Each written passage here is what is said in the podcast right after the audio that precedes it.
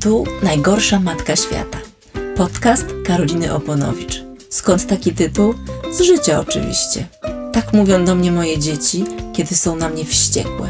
Czasem rzeczywiście czuję się najgorszą matką świata, ale są też chwile, kiedy czuję się najlepszą albo jedną z najlepszych. Macie podobnie? Jest tak trudno być rodzicem, że czasami się zastanawiam, czy to wszystko było warte tego, żeby nim być. Można bezkarnie się wygłupiać, czytać świetne książki, oglądać Gambola na Cartoon Network, a na kolację jeść gofry. Kładą się po nas, więc nawet nie możemy pójść i popatrzeć, jak śpią jak aniołki.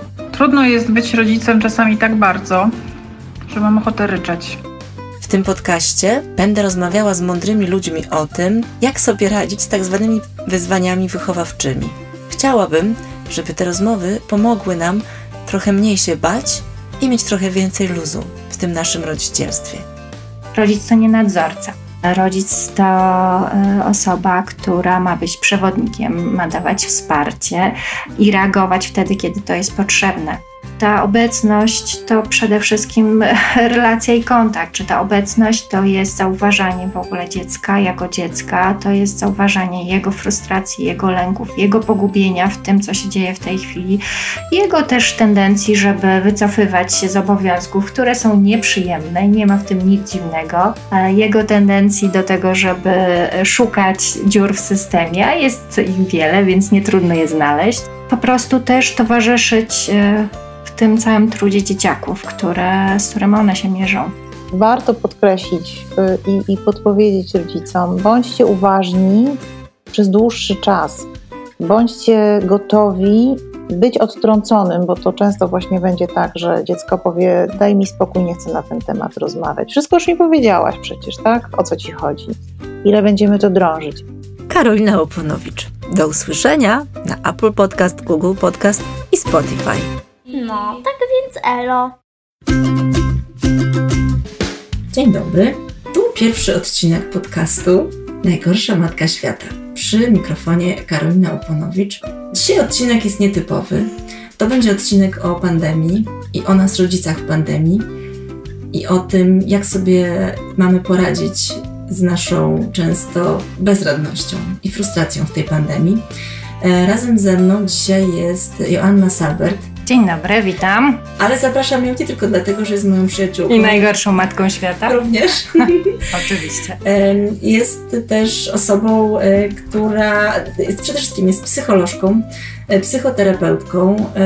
Od lat prowadzi terapię, pracuje z dziećmi, z młodzieżą, z dorosłymi, także z rodzicami. Prowadzi też terapię rodzin. I Joasia jest osobą, której wiedza i doświadczenie wielokrotnie mi pomagały wybrnąć z trudnych sytuacji, zrozumieć y, te trudne sytuacje, w których się znajdowałam ja, ale też bohaterowie moich tekstów, bohaterowie książek, nad którymi pracowałam. E, I bardzo cenię mm, w Asiu, w Tobie to, że potrafisz tej, tę trudną sytuację y, pomóc zobaczyć z lotu ptaka, ustawić to, co jest ważne, co jest nieważne i też skupić się na tym, co można zrobić. I też chciałabym, żebyśmy, żeby ten podcast, te, ten dzisiejszy odcinek służył mhm. temu, żebyśmy też znaleźli mm, coś dla siebie, co możemy w tej naszej frustracji pandemicznej jako rodzice zrobić. I inne odcinki będą raczej wychodziły, tak sobie to na tym etapie przynajmniej wyobrażam, będą wychodziły raczej od sytuacji, od problemów, tak zwanych problemów z dziećmi, czyli raczej od sytuacji, z którymi my sobie nie radzimy. Będziemy rozmawiać o zachowaniach dzieci, e, które są dla nas trudne, niezrozumiałe. Będziemy też szukać jakoś wyjścia z sytuacji, ale chciałabym ten mój cykl podcastowy zacząć od rozmowy właśnie o nas, o rodzicach, bo mam wrażenie, że mm, no, też od nas się wszystko zaczyna.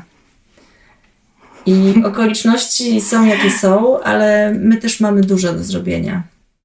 Tak, tak, zamilkłam Karolina, bo e, no, jakoś tak mi, miło słyszeć te słowa, ale one oczywiście też powodują jakiś rodzaj tremy, szczególnie, że mówisz o, o ważnych tematach, o takich tematach, które dotyczą również mnie jako rodzica, dotyczą mnie jako terapeuty i dotyczą też osób, z którymi się spotykam w czasie mojej pracy z rodzicami, e, z dzieciakami.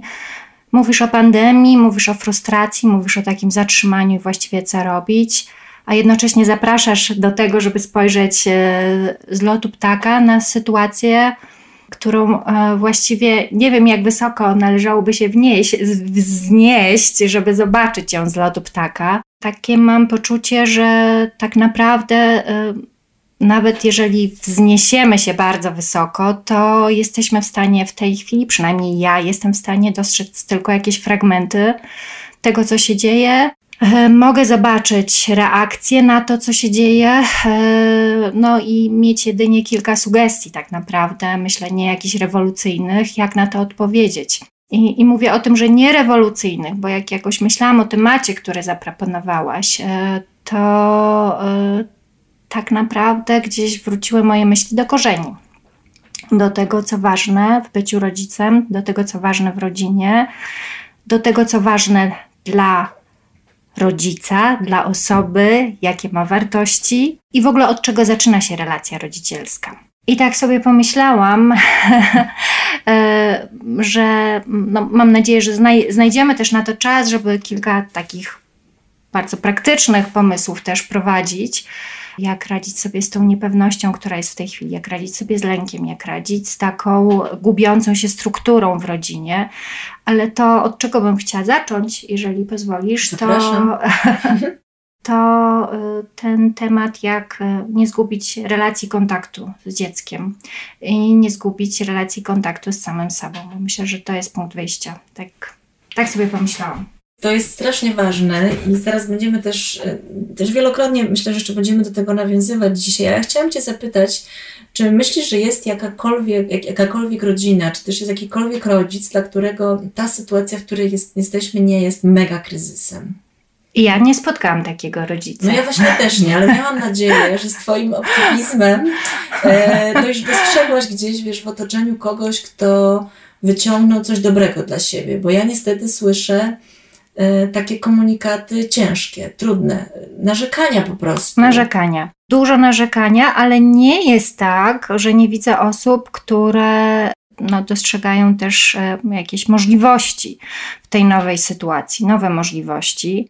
I też chyba nie jest tak, że y, tych możliwości dostrzec nie można, ale pewno nie jest dobrze za szybko przechodzić do tego, jakie są możliwości, y, pomijając tą część, która, tak jak mówisz, jest trudna, jest kryzysowa, jest obciążająca. Wierzę, że taki rodzic istnieje. Ja Niech takiego napisze. nie spotkałam. Niech napisze do nas, jeżeli słucha nas ktoś, kto uważa, że ta sytuacja pandemiczna wzbogaciła jego albo jej rodzicielstwo, to, to bardzo czekam na takie sygnały, na takie historie. Mm. Chętnie się nimi podzielę mm. i mm. może też dla jeszcze innych osób to będzie inspiracja. Taką mam jeszcze myśl. A propos tego, w czym się znaleźliśmy. Znaczy, myślę sobie, że jesteśmy takim pokoleniem rodziców, które sobie bardzo wysoko zawiesiło poprzeczkę. E, przypominają mi się takie badania Małgorzaty Sikorskiej, to jest socjolożka z Uniwersytetu Warszawskiego, z mojego rodzimego zresztą Instytutu Socjologii.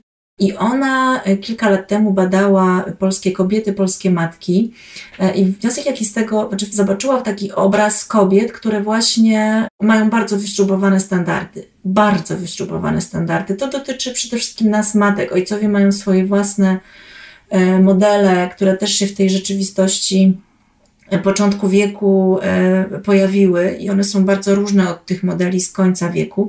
Natomiast z tymi matkami to pamiętam, gdzieś mi się to wbiło, wbiło do głowy głęboko to poczucie, że my matki jesteśmy no, zafiksowane od początku na tych najwyższych standardach, czyli tak, ciąża zdrowa, zdrowe żywienie, wszystkie tam standardy opieki odpowiednie, lekarz najlepszy, poród naturalny, potem karmienie piersią, no rok to w ogóle przynajmniej, a jeszcze jakby się udało, urlop wychowawczy z dzieckiem, no i potem to zdrowe jedzenie i ta cielęcinka od babci, czy tam króliczek, i to wszystko takie zdrowe, a potem no, najlepsze przedszkole i języki, i szkoła bardzo dobra, i zajęcia dodatkowe, no sport oczywiście, wszystko na najwyższym poziomie. Oczywiście to dotyczy naszej bańki, bo w Polska jak długa i szeroka to różne są modele, ale też myślę sobie, że nas słuchają w dużej mierze ludzie, którzy myślą podobnie. Mówię w liczbie mnogiej, no bo też to jest y, przypadek, też chyba nie zdradzę tajemnicy, no to też Twój model macierzyństwa. I teraz już przechodzę do sedna. A sedno jest Poprzeczka takie. już bardzo wysoko zawieszona. Ale teraz przechodzę do sedna. Jesteśmy w tej pandemii i tu my już nic nie możemy. To znaczy możemy, ale wciąż bardzo niewiele. tak wiele możliwości zostało nam odciętych po prostu. I wydaje mi się, że to jest sytuacja obiektywnie niezwykle trudna, aż chciałoby się powiedzieć cholernie trudna, albo sięgnąć po jeszcze Mm. bardziej intensywne słowo. Natomiast nasze możliwości są bardzo ograniczone. Mhm. Nasze, czyli osób, które jeszcze do niedawna miały możliwości miliardy, na każdy problem mnóstwo rozwiązań. Mhm. I mam wrażenie, że takim hasłem przewodnim tutaj będzie frustracja. E, I tak to się zaskakująco dzieje. E, Karolina, tak sobie myślę, jak odwołałaś się do mojego optymizmu, że jak ty rysujesz ten obraz frustracji i czerni, jak tych, tych możliwości nie ma, tak mi pojawiają się takie myśli, że może jednak jest jakaś odpowiedź na tą frustrację i zastanawiałam się, czy o tym teraz e, nie powiedzieć. Co więcej, przypomniał mi się rodzic, który jednak e, mm, przynajmniej deklaratywnie podzielił się ze mną taką informacją, że całkiem nieźle w tej pandemii sobie radzi, że znalazł czas dla wszystkich członków rodziny, których jest kilkoro i to są wymagający członkowie rodzinni e, w wieku przedszkolnym, a nawet jeszcze wcześniej. E, Także sobie myślę, że taki jest ten obraz jednak zróżnicowany. Zostały odebrane dotychczasowe możliwości właśnie rozwiązywania, wpływania na rzeczywistość. Te sposoby radzenia, które znamy i które działały, czy radzenia sobie z lękiem, czy radzenia sobie z zagrożeniem, zostały nam odebrane. Zostały odebrane możliwości swobodnego kontaktowania się z ludźmi. To dla mnie jakiś taki kluczowy czynnik. E, Zostały możliwości swobodnego korzystania z własnych sposobów relaksowania się, odnajdowania równowagi, nie wiem, czy poprzez sport, czy poprzez wyjście z domu, czy poprzez kontakt z naturą, czy poprzez podróżowanie. To zostało zatrzymane, zablokowane i leży y, w gestii osób e, na zewnątrz. Tak? Ten wpływ, ta kontrola, ta możliwość sięgania po to, co znamy, zostały odebrane. Co więcej, myślę, że różne tematy, które e, w domach żyły, w rodzinach żyły, nie mając przestrzeni, która powodowała, że one mogły być bardziej znośne, e, bo mniej intensywne, e, poprzez tą kurczącą się przestrzeń, poprzez izolację, poprzez to poczucie, że ten świat na zewnątrz jest e, zagrażający, ich intensywność jeszcze bardziej się zwiększyła, a przestrzeń, na której muszą być, e, musi być rozwiązana, skurczyła. I to daje taki efekt uwięzienia i braku możliwości wpływu, i w związku z tym rodzącej się frustracji, która szuka ujścia, szuka ujścia w coraz większym rozdrażnieniu, napięciu, agresji, e, szybkiej drodze do intensywnych emocji, które mm, nie przynoszą dobrych rozwiązań. Wiążą się z potrzebą rozładowania, ale nie niosą, nie pozwalają odczytać informacji, które emocje przekazują. Ich intensywność jest tak duża. Ja mam wrażenie, że zobaczyliśmy podczas tych ostatnich miesięcy, o rany, to właściwie już prawie roku mija, ale co zobaczyliśmy? Ja przynajmniej zobaczyłam, jak bardzo do wychowania dzieci potrzebna jest cała wioska. Mhm. I to jest oczywiście ta wioska w postaci naszej rodziny wielopokoleniowej, ale też ta wioska w postaci szkoły, przyjaciół, trenerów, podwórka, sąsiadów, e, dalekich cioć i kumpelek i wujków. Tego mi brakuje najbardziej. I mam wrażenie, jak mówisz o napięciu, o różnych sposobach radzenia sobie, że nie dostrzegaliśmy albo też może nie docenialiśmy tego, jak bardzo funkcjonowanie w takiej dużej grupie i w takim y, świecie nieco większym niż dom i, i kilka najbliższych ulic jest nam potrzebne, nam Mhm. jako rodzicom i też naszym dzieciom. Mhm. To, co mogę dodać, to y, rzeczywiście to, co wydaje mi się takim czynnikiem też bardzo trudnym i niosącym dużą część tego napięcia, to jest y, brak struktury, bo myślę, że to jest taka rzecz, która y, przynajmniej jakoś w moim rozumieniu zaczęła bardzo doskwierać, począwszy od, y, właśnie nie wiem czy począwszy, nie wiem od czego zacząć tak naprawdę, bo ta struktura wiąże się z rytmem zarówno pracy rodziców, jak i rytmem pracy e, dzieciaków, czyli szkołą, że ta struktura zaczęła być e, gubiona, obowiązki nie mają początku, końca, że dzieją się równolegle w jednej przestrzeni, że nie ma czasu e, na tą różnorodność aktywności. Znaczy, właśnie nie ma tej różnorodności aktywności, więc też nie ma, nie, nie ma na nią czasu, bo nie ma tej różnorodności po prostu. To jest też taki element, który jakoś warto podkreślić, myśląc o źródłach frustracji. Ta struktura też rzeczywiście jest jakimś, mam wrażenie, ważna, ona jest nam potrzebna. Też nie zdawaliśmy sobie z tego sprawy, jak bardzo. Ale wiesz, obserwuję różne strategie radzenia sobie wśród znajomych, dalszych, bliższych e, i też no, ze słyszenia. Poznaję różne strategie i mam wrażenie, że są takie dwa, że skala ma dwa końce. Na jednym końcu tej skali jest taka postawa, mówię o rodzicielskiej postawie, taka postawa trudno, niech się dzieje co chce, po prostu puszczam. Różne rzeczy przed pandemią puszcza, trzymałam, trzymałem. E, sam też tą strukturę tworzyłem, czy tworzyłam w domu, były jakieś jasne zasady, jakiś plan dnia, plan weekendu, jakieś tam zwyczaje obowiązujące. Teraz ze względu na zmęczenie, na specyfikę pracy, specyfikę szkoły, nie jestem w stanie tego trzymać w ręku. Niech się dzieje co chce i to jest jakby jedna, jed, jeden koniec skali, a drugi koniec skali jest mam wrażenie, polega, polega na kontrolowaniu. I też obserwuję takie postawy u rodziców, którzy wcześniej nie byli tacy, mm. że nagle im się włącza taki nadzorca, który mm. sztywna struktura, tu masz robić, tak, ciach, ciach, ciach, tu kontrola. Nagle rodzice, którzy się nie zajmowali lekcjami nastoletnich dzieci, zaczynają w to ingerować, sprawdzać, towarzyszyć, pisać klasówki z nimi wręcz, korespondować namiętnie z nauczycielami. To są dwa końce skali i to wcale też nie jest um, sytuacja stała, tylko to bywa tak, że ktoś jest przez chwilę na jednym końcu skali, a potem bywa na drugim. E, kompletne pomieszanie z poplątaniem, e, duża zmienność, e, no taka sinusoida w, w zasadzie, ale gdzieś oscylująca między tymi, tymi jednymi a drugimi charakterystycznymi zachowaniami. Masz mhm. podobne mm. obserwacje? Wiesz co, tak myślę, że y, jakoś wraca do mnie taka, takie, takie też nasze rozmowy tak, o dojrzałości, czym jest dojrzałość i jak ważna jest ta integracja tych różnych postaw, tak, żeby gdzieś znaleźć tą drogę środka pomiędzy wyznaczaniem granic, e, jakąś dawką kontroli, e, ale też e, taką przestrzenią na niezależność i swobodę. No bo trudno mówić o niezależności i swobodzie w przypadku zupełnym wycofaniu się z roli rodzica. Ta postawa, którą opisałaś na początku, to nie jest coś, co służy i też no, nie wynika z jakichś dojrzałych wyborów, tylko ze zmęczenia i własnej frustracji również taka nadmiernie sztywna postawa i taka nadmierna kontrola, e, do czego też w jakiś sposób, tak myślę, jesteśmy zapraszani e, przez e, właśnie ten brak struktury, tak? coś, co w takim mm, świecie sprzed marca ubiegłego roku było realizowane przez instytucje, przez tą wioskę, do której należą też nauczyciele, to zostało tak naprawdę w rękach rodziców. No i stąd taka czasem, jak mówisz, budząca się, budzący się impuls, że okej, okay, w takim razie będę tym nadzorcą, tylko rodzic to nie nadzorca.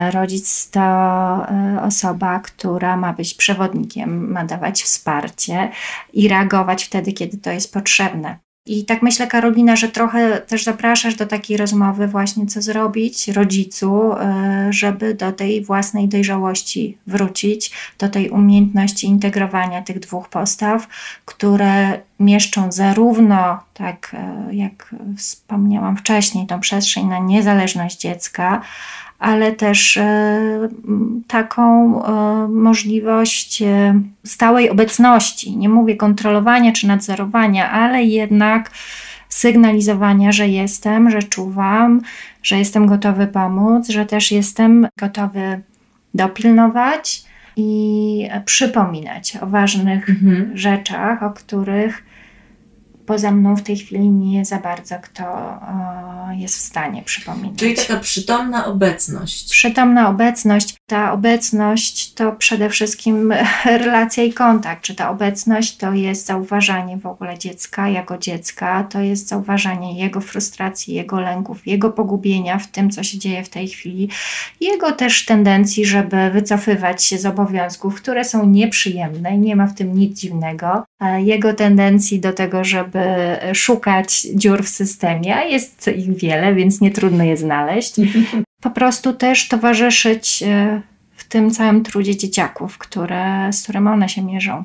Czyli co, dziecko jako człowiek, a nie tylko jako uczeń, który nie odrobił lekcji albo ma się nauczyć do klasówki. Człowiek, który może być nie wiem, zmęczony i nie mieć ochoty posprzątać swojego pokoju, czyli znowu nie dziecko jako ogarniacz swojego pokoju. Mm. Ja mam takie wrażenie, że bardzo często i też łatwo w tym natłoku tych wszystkich rzeczy, które na, na, na nas spływają, w tych naszych home office'ach nieszczęsnych, łatwo bardzo właśnie ograniczyć tą relację z dzieckiem do takiego właśnie przypominania o niedoróbkach, mm. o obowiązkach. Mm. No ale też tyle się rzeczy dzieje, że no to jest automatyczne, że my pierwsze co mówimy, odrobiłaś lekcję, miałaś tą klasówkę, miałaś kamerkę włączoną, czy tam miałeś, a mm. gdzieś na drugi plan schodzi to, o czym tak. mówisz. To jest tak mhm. strasznie, strasznie ważne, że to jest gdzieś ten człowiek mm. z tym swoim zmęczeniem, niepokojem.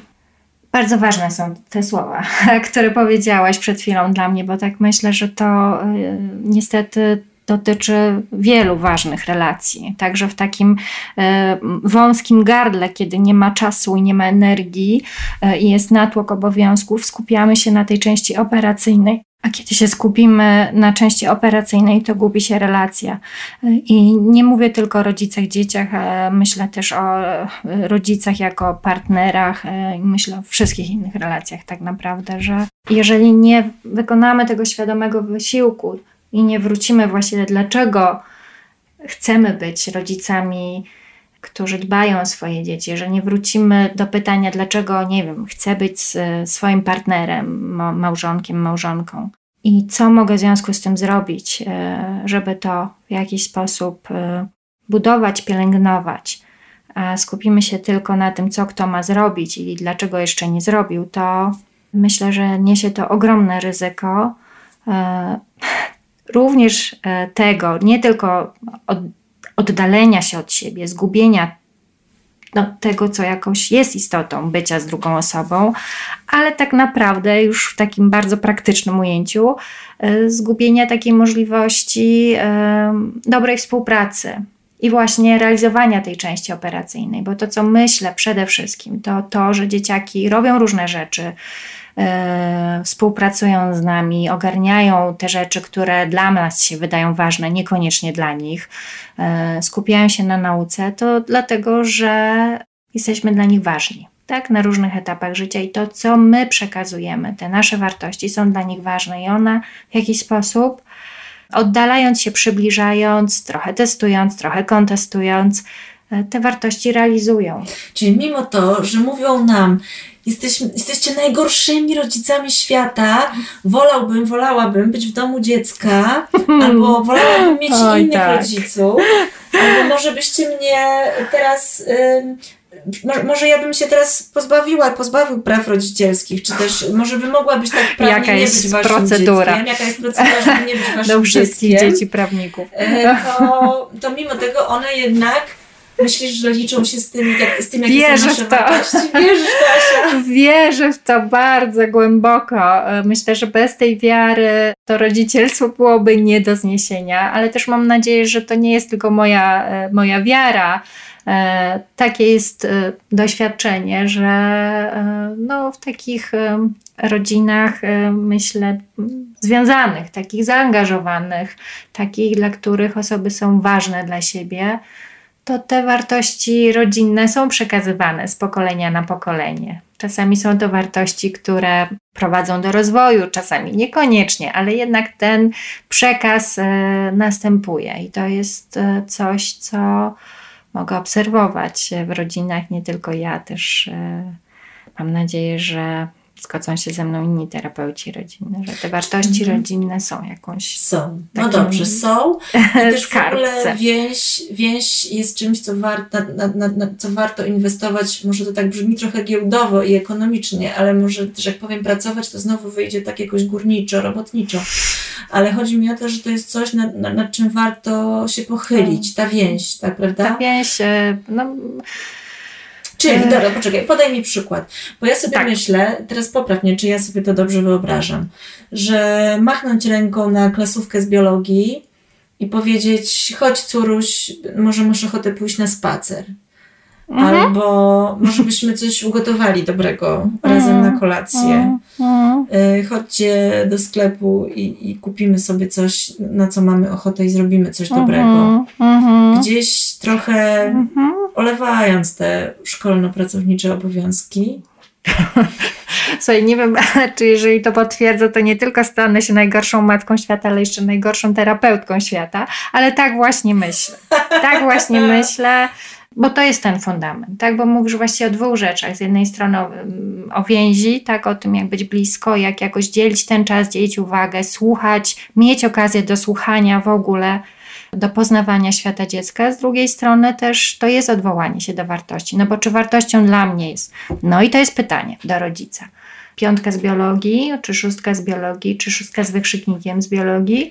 Yy, czy y, to, żeby to moje dziecko w tym trudnym czasie, a jest to trudny czas, tak jak rozmawiałyśmy, miało takie poczucie, że no, jest życie, są inne rzeczy, że są ci rodzice, że dla rodzica też nie tylko to się liczy. To tak czasem może niestety wyglądać, że gdzieś nam to, gdzieś nam to umyka. I warto sobie przypomnieć właściwie o co chodzi i co tak naprawdę w życiu jest mhm. najważniejsze. Mm i te oceny, no nie, no ciągnie się za nami ta szkoła, znaczy ciągnie się za nami ta zdalna edukacja. Mam wrażenie, że to jest te największe, oczywiście oprócz sytuacji, oprócz choroby, zagrożenia, no to wiadomo, że to jest na pierwszym miejscu, ale mam wrażenie, że ta zdalna edukacja to jest coś, co jest przekleństwem. Mm. Ogromnym, mm. ogromnym przekleństwem. No dobrze, ale to już omówiliśmy te wszystkie, znaczy nie wszystkie, ale mówiliśmy o tym, jak jest trudno, jak jest bardzo, bardzo trudno. E, ale myślę sobie mm, o takich bardzo konkretnych sytuacjach, kiedy no, na przykład nastolatki, a, e, a to jest aktualnie najbliższe mi doświadczenie, nastolatki uciekają, one nie chcą rozmawiać, one nie chcą przychodzić. Jeszcze do niedawna dzieci szukały kontaktu, przychodziły, zagadywały, mm. siadały, a teraz one raczej znikają. Mm. I zastanawiam się, e, co by tu zrobić, żeby też jakoś nie pozwolić im tak całkiem zniknąć. Mm. Proponować im jakieś aktywności, mm. czy po prostu prostu przyjść, posiedzieć. Myślę o, o, o, szukaniu okazji, tak? o szukaniu okazji, o takiej czujności, uważności, bo no, ten czas to jest taki czas, y, tak jak myślę w ogóle o rozwoju nastolatka, tak? i o tym etapie odchodzenia od rodziny. To też jest taki czas, kiedy to odchodzenie jest możliwe pod warunkiem, że możliwe jest też zbliżanie się. I takie nastolatki, dzieciaki w tym wieku. Trochę tak jak mówiłaś e, o tych postawach rodzicielskich, one też będą uciekać, będą odbiegać, ale będą też się zbliżać, a przynajmniej taką potrzebę e, zbliżania się będą miały. I myślę, że taka nasza czujność e, i gotowość do odpowiedzenia na te sygnały. Żeby tą czujność zachować, to potrzebna jest obecność, potrzebna jest obecność e, i potrzebne są okazje. I myślę, że to może być każda dowolna okazja. To nie musi być super atrakcyjna e, aktywność, o którą zresztą, tak jak rozmawiałyśmy, ciężko w tej chwili, ale to może być, nie wiem, wspólne wyjście gdziekolwiek na spacer, bliski i, i tobie i mi temat jakichś aktywności sportowych, to myślę, że zawsze jakoś można, może być atrakcyjne. Może zakupy. być zakupy, jeżeli galerie są akurat otwarte. To może być, ale też y, słuchaj, no, wspólny film, no cokolwiek, tak, żeby jakoś był ten czas i to takie jest no właśnie, bo tak sobie myślę, że zaczęłyśmy od zasobów rodziców, od tego, jak rodzice mogą zadbać o siebie, żeby zadbać o swoje dzieci, a tak trochę nam ta rozmowa idzie, rozmowa idzie w kierunku jednak takiej ważności na dzieci i no, może warto tu też, też się zatrzymać i zastanowić się, kiedy ta czujność rodzica i gotowość do e, szukania okazji bycia ze swoim dzieckiem jest możliwa. Jest, no właśnie. A jest, kiedy? Mm, kiedy mają przede wszystkim w swojej głowie, co dla mnie ważne, to myślę na pierwszym miejscu, a po drugie, kiedy mają siłę, żeby realizować to, co dla mnie ważne. Mhm. E, I tu taki mm, moment y, do też zatrzymania się, zastanowienia się, jak ja tą siłę odbudowuję, jak ja tą siłę jestem w stanie w sobie odnaleźć. Czasami może jestem w stanie robić rzeczy, nawet jeżeli tej energii nie posiadam, ale mm, zawsze się to dzieje jakimś kosztem, więc całej tej układance, e, w całym tym braku struktury i budowaniu tej struktury na nowo, też jakoś e, zachęcałabym rodziców do tego, żeby taki czas na odbudowanie swojej energii znajdowali. I mówisz, rozumiem, że mówisz o tej takiej na przykład zasadzie, która y, brzmi eat, move, sleep na przykład. Jest eat, takie hasło. Ale oczywiście to tam ma różne nazwy w różnych y, mhm. filozofiach i w różnych nurtach, ale mhm. to się sprowadza też do tego, do takiej prostej zasady. No my jesteśmy jednak istotami biologicznymi. Mhm. Jeśli my będziemy głodni, niewyspani i będziemy y, siedz, siedzieć w jednym miejscu, nie ruszając się, nie dbając o nasze ciało, no to nie ma takiej opcji, padniemy na nos. Mhm. Znaczy, zanim padniemy na nos, to jeszcze na nos, to jeszcze będziemy swoją frustrację rozsiewać po całym domu. Tak sobie pomyślałam, że mm, zadbanie o siebie, chociażby w tych podstawowych kwestiach, które wymieniłaś, znowuż jest też jakimś ważnym sygnałem dla dzieciaków, tak? E, że również dla nich jest to jakiś wzór i model, więc zdecydowanie tak proste rzeczy, zacząć od prostych rzeczy, e, a dobrze też dodać takie rzeczy, które każdy z nas uważa za wzbogacające dla siebie, no, w taki sposób, jak siebie wzbogacać lubi, czy się rozwijać, czy oddawać się czemuś, co jest przyjemne, cokolwiek, ale żeby dodać też taki element, który dla rodzica jest e, ważny. Czyli to może być, nie wiem, co, cotygodniowy spacer e, z przyjaciółką czy z przyjacielem, e, to może być, nie wiem, szydełkowanie, po prostu coś dla siebie, coś, co wcale niekoniecznie musi być takie godne, sprawiedliwe i słuszne, mhm. tylko ma być to po prostu przyjemne, coś, co nam naładuje akumulatory. Wiesz co, też tak jakoś myślę o, o, o, takim, y, o takich prostych wskazówkach, które y, jakoś dla mnie są też cenne. Takich wskazówkach terapeutki, która pracuje bardzo na, tak bym powiedziała, optymizmie, tak? na tej jasnej stronie życia. E, I e, tak sobie myślę, jeszcze nawiązując do tych czasów, e, pani Christine Padeski, bardzo taka, no, znana też terapeutka, ale E, jakoś ten sposób pracy jest naprawdę inspirujący dla mnie. Takie spojrzenie też na to, co w tej chwili właśnie e, jest możliwe, a nie tylko na to, co nie jest możliwe, może być też takim krokiem do znalezienia tego źródła budowania swojej energii, bo może właśnie okazuje się, że różne rzeczy teraz są możliwe w mniejszej przestrzeni, e, za to większej bliskości y, z mężem, dziećmi, kimkolwiek. Może właśnie w przestrzeni domowej czy lokalnej, może y, skupienie na prostszych czynnościach, ale takie skupienie w duchu uważności, obecności, doświadczenia. Może to jest coś, y, co można odkryć dla siebie poszukać tego, co właśnie jest możliwe właśnie w tej chwili, a co może było mniej dostępne wcześniej. Rozmawialiśmy o tym, że mm, jakiś ten możliwość poruszania, przemieszczania jest ograniczona, a może właśnie eksploracja chociażby tej najbliższej, najbliższego otoczenia, które jakoś do tej pory nie było takie atrakcyjne, może przynieść wiele mhm. niespodzianek, można odkryć Można rzeczy. na przykład zdobyć koronę Warszawy. I taki sobie challenge wyznaczyć. Okay. Także e, takie troszkę właśnie mm, odwrócenie tego myślenia i zobaczenie, też tak sobie myślę, no te dzieciaki, e, które są z nami teraz cały czas. Także to, to też jest jakaś e, e, okazja, jakaś nowa sytuacja e, i ona oczywiście no, bywa. tak trwająca rok. Już mogła nam się nieco opatrzeć. Mogła się opatrzeć, mogła się znudzić, ale wciąż trwa. I pytanie, czy już odkryliśmy, co ona ze sobą niesie, oprócz tego, że mamy jej dosyć i że jesteśmy jej zmę nią zmęczeni, a czy jest okazją do czegoś nowego, po prostu, w tych relacjach. A podaj przykład. Pomyślałam sobie, przypomniały mi się słowa mojego męża, który powiedział o tym, że tak naprawdę już tak niewiele lat zostało, kiedy będziemy mogli być tak blisko z naszymi dziećmi, tak często z naszymi dziećmi, że to jest jakaś okazja ja doświadczam tego też jako mama, e, ponieważ jestem głównym partnerem spacerów e, i e, wieczorów moich dzieci, że tych okazji stało się więcej. do bycia razem. E, I nie myślę o tym często, ale to jest e, coś, co stało się możliwe właśnie teraz i co nie byłoby możliwe rok temu. A powiedz jeszcze, Asia, o granicach. Mhm. Bo mam wrażenie, że to pilnowanie swoich granic to też jest taka ważna rzecz. Że, I taka asertywność, y, to, to ona nie ma dobrego PR-u w Polsce, ale mam wrażenie, że w tej sytuacji to jest szczególnie ważne. Ze względu na nas, bo tam jest to potrzebne, ale też ze względu na nasze dzieci, bo to jest też świetna okazja, żeby je nauczyć tego, co to Mhm. znaczy też być blisko siebie i też pilnować swoich granic. Mam Mhm. wrażenie, że wtedy, kiedy jesteśmy w domu, w tym naszym własnym sosie, kiedy praca nas goni o 21 w poniedziałek i normalnie łatwiej by się było oddzielić, a teraz jest trudniej się oddzielić.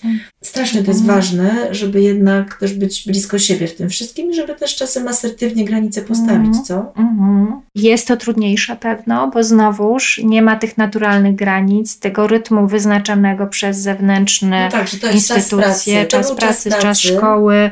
E, Nie wszyscy, wiele osób wciąż nie pracuje poza domem, tak. To może jakoś jest e, jakaś część mnie, ale część też mojej pracy terapeutycznej jakoś blisko mi znowuż do struktury. Także e, jeżeli nie ma jej na zewnątrz, to, to taki pomysł, żeby tworzyć ją e, w ramach tego środowiska domowego może pomagać te granice wyznaczać E, i też jasno okreś- określać właśnie zasady pracy, zasady szkolne, zasady kiedy lekcje, zasady kiedy granie, zasady kiedy oglądanie, zasady na którym telefonie co jest, na którym komputerze co jest i kto w jakiej przestrzeni ma możliwość pracy. I też na przykład tego, że to jest czas, kiedy mama robi jogę w tym pokoju. Dokładnie. I to jest to 45 minut Tak. dla mamy na jogę i proszę Tak. swoje potrzeby zastopować na razie. Tak, i zasygnalizować to zamknięciem drzwi chociażby i e, używaniem tych drzwi, tak, żeby no, w ten sposób e, i jeżeli chodzi o przestrzeń, jakąś, nie wiem, może system znaków komunikacji, rysuneczków, uśmieszków, e, nie wiem, zawieszek, e, albo po prostu uzgadnianiem na bieżąco, jeżeli taka większa elastyczność jest charakterystyczna dla rodziny, ale jednak, żeby były jakieś jasne, znane wszystkim zasady i też taki wewnętrzny rytm rodziny. I myślę, że to też można by zapytać, ale każda z rodzin pewno jakiś taki swój rytm, swoje rytuały nowe wytworzyła. I to jest część tych granic, e, coś, co może pomagać. A oczywiście komunikowanie i przypominanie, co dla mnie ważne, jaki czas jest e, dla mnie e, takim czasem wrażliwym, jeżeli chodzi o pracę, czy odpoczynek, czy regenerację, no też będzie pomocne. Bez obwiniania. Bez obwienia. To jest garść pomysłów. Mam wrażenie, że ich jest dużo i niedużo w tej trudnej sytuacji, pewnie nigdy dość. Ja też mm, chciałabym, żeby ten podcast był takim miejscem, y, które jest źródłem inspiracji. Także ja też nie uważam, że, że, żebym miała, albo też myślę, że moi goście wcale nie uważają, że mają, że mają tej zestaw gotowych rad. Raczej to są takie sugestie do twórczego wykorzystania inspiracje do zaadaptowania na swoim własnym gruncie. Tak, e, znaczy jeżeli jaka, e, jakąś jedną inspirację e, miałabym zostawić, e, nie wiem czy inspirację, tak naprawdę przypomnienie, to zadbaj o relacje. Taka fundamentalna rzecz, która mi przychodzi do głowy. Tak sobie myślę, że w tych wszystkich sytuacjach, kiedy mm, krzyczymy na siebie, napinamy się, złościmy, frustrujemy, jakiś powrót do tego, co fundamentalne, może być jakimś takim um, światełkiem, może kotwicą, tak sobie pomyślałam bardziej o kotwicy, żeby wrócić do tego, co ważne. Może nawet nie inspiracja, a przypomnienie i taka, taki apel o zatrzymanie i zadbanie o to, co kluczowe, a inne rzeczy pójdą. Dzięki, Asiu. Bardzo, bardzo Ci dziękuję. Biorę sobie to do serca. Na pewno będzie jeszcze okazja, żeby z Tobą y, w najgorszej matce świata pogadać. W końcu jestem w rankingu dosyć wysoko. E, No więc to był pierwszy odcinek podcastu Najgorsza Matka Świata.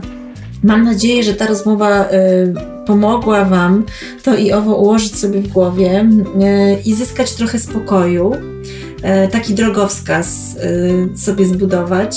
Powiedzcie, o czym chcielibyście jeszcze posłuchać, z jakimi zagwozdkami się mierzycie, jakie zachowania waszych dzieci są dla was szczególnie trudne, jakie są wyzwaniem, czym się niepokoicie i piszcie do mnie. Piszcie do mnie na adres najgorsza matka świata małpa gazeta.pl. Bardzo dziękuję za ten czas spędzony ze mną. Karolina Oponowicz. Dobra, to miał być już koniec podcastu, ale muszę zrobić jeszcze małe postscriptum. Od jakiegoś czasu kupuję herbatę, yy, która ma na etykietkach, na tych takich kartonikach przyczepionych do torebeczek, mądrości życiowe. I to jest oczywiście Paulo Coelho, ale muszę Wam powiedzieć, że one mi też y, często dają do myślenia. I na koniec dzisiejszego odcinka zostawiam Was z taką oto mądrością, mądrością z herbaty. Brzmi ona po angielsku najpierw, wybaczcie, jeśli to pretensjonalne. Joy is the essence of success. W moim wolnym tłumaczeniu radość to esencja sukcesu. Niech będzie w naszym rodzicielskim wydaniu, że ta rodzicielska radość to jest najważniejsza część rodzicielstwa. Tak mi się to połączyło ze słowami Joanny Salbert. Nie zapominajmy o tym. Ja w każdym razie postaram się o tym pamiętać i tym akcentem ala Paulo Coelho, prosto z mojej garderoby, gdzie nagrywam ten odcinek, pozdrawiam Was i mam nadzieję, że macie ochotę odpalić kolejny.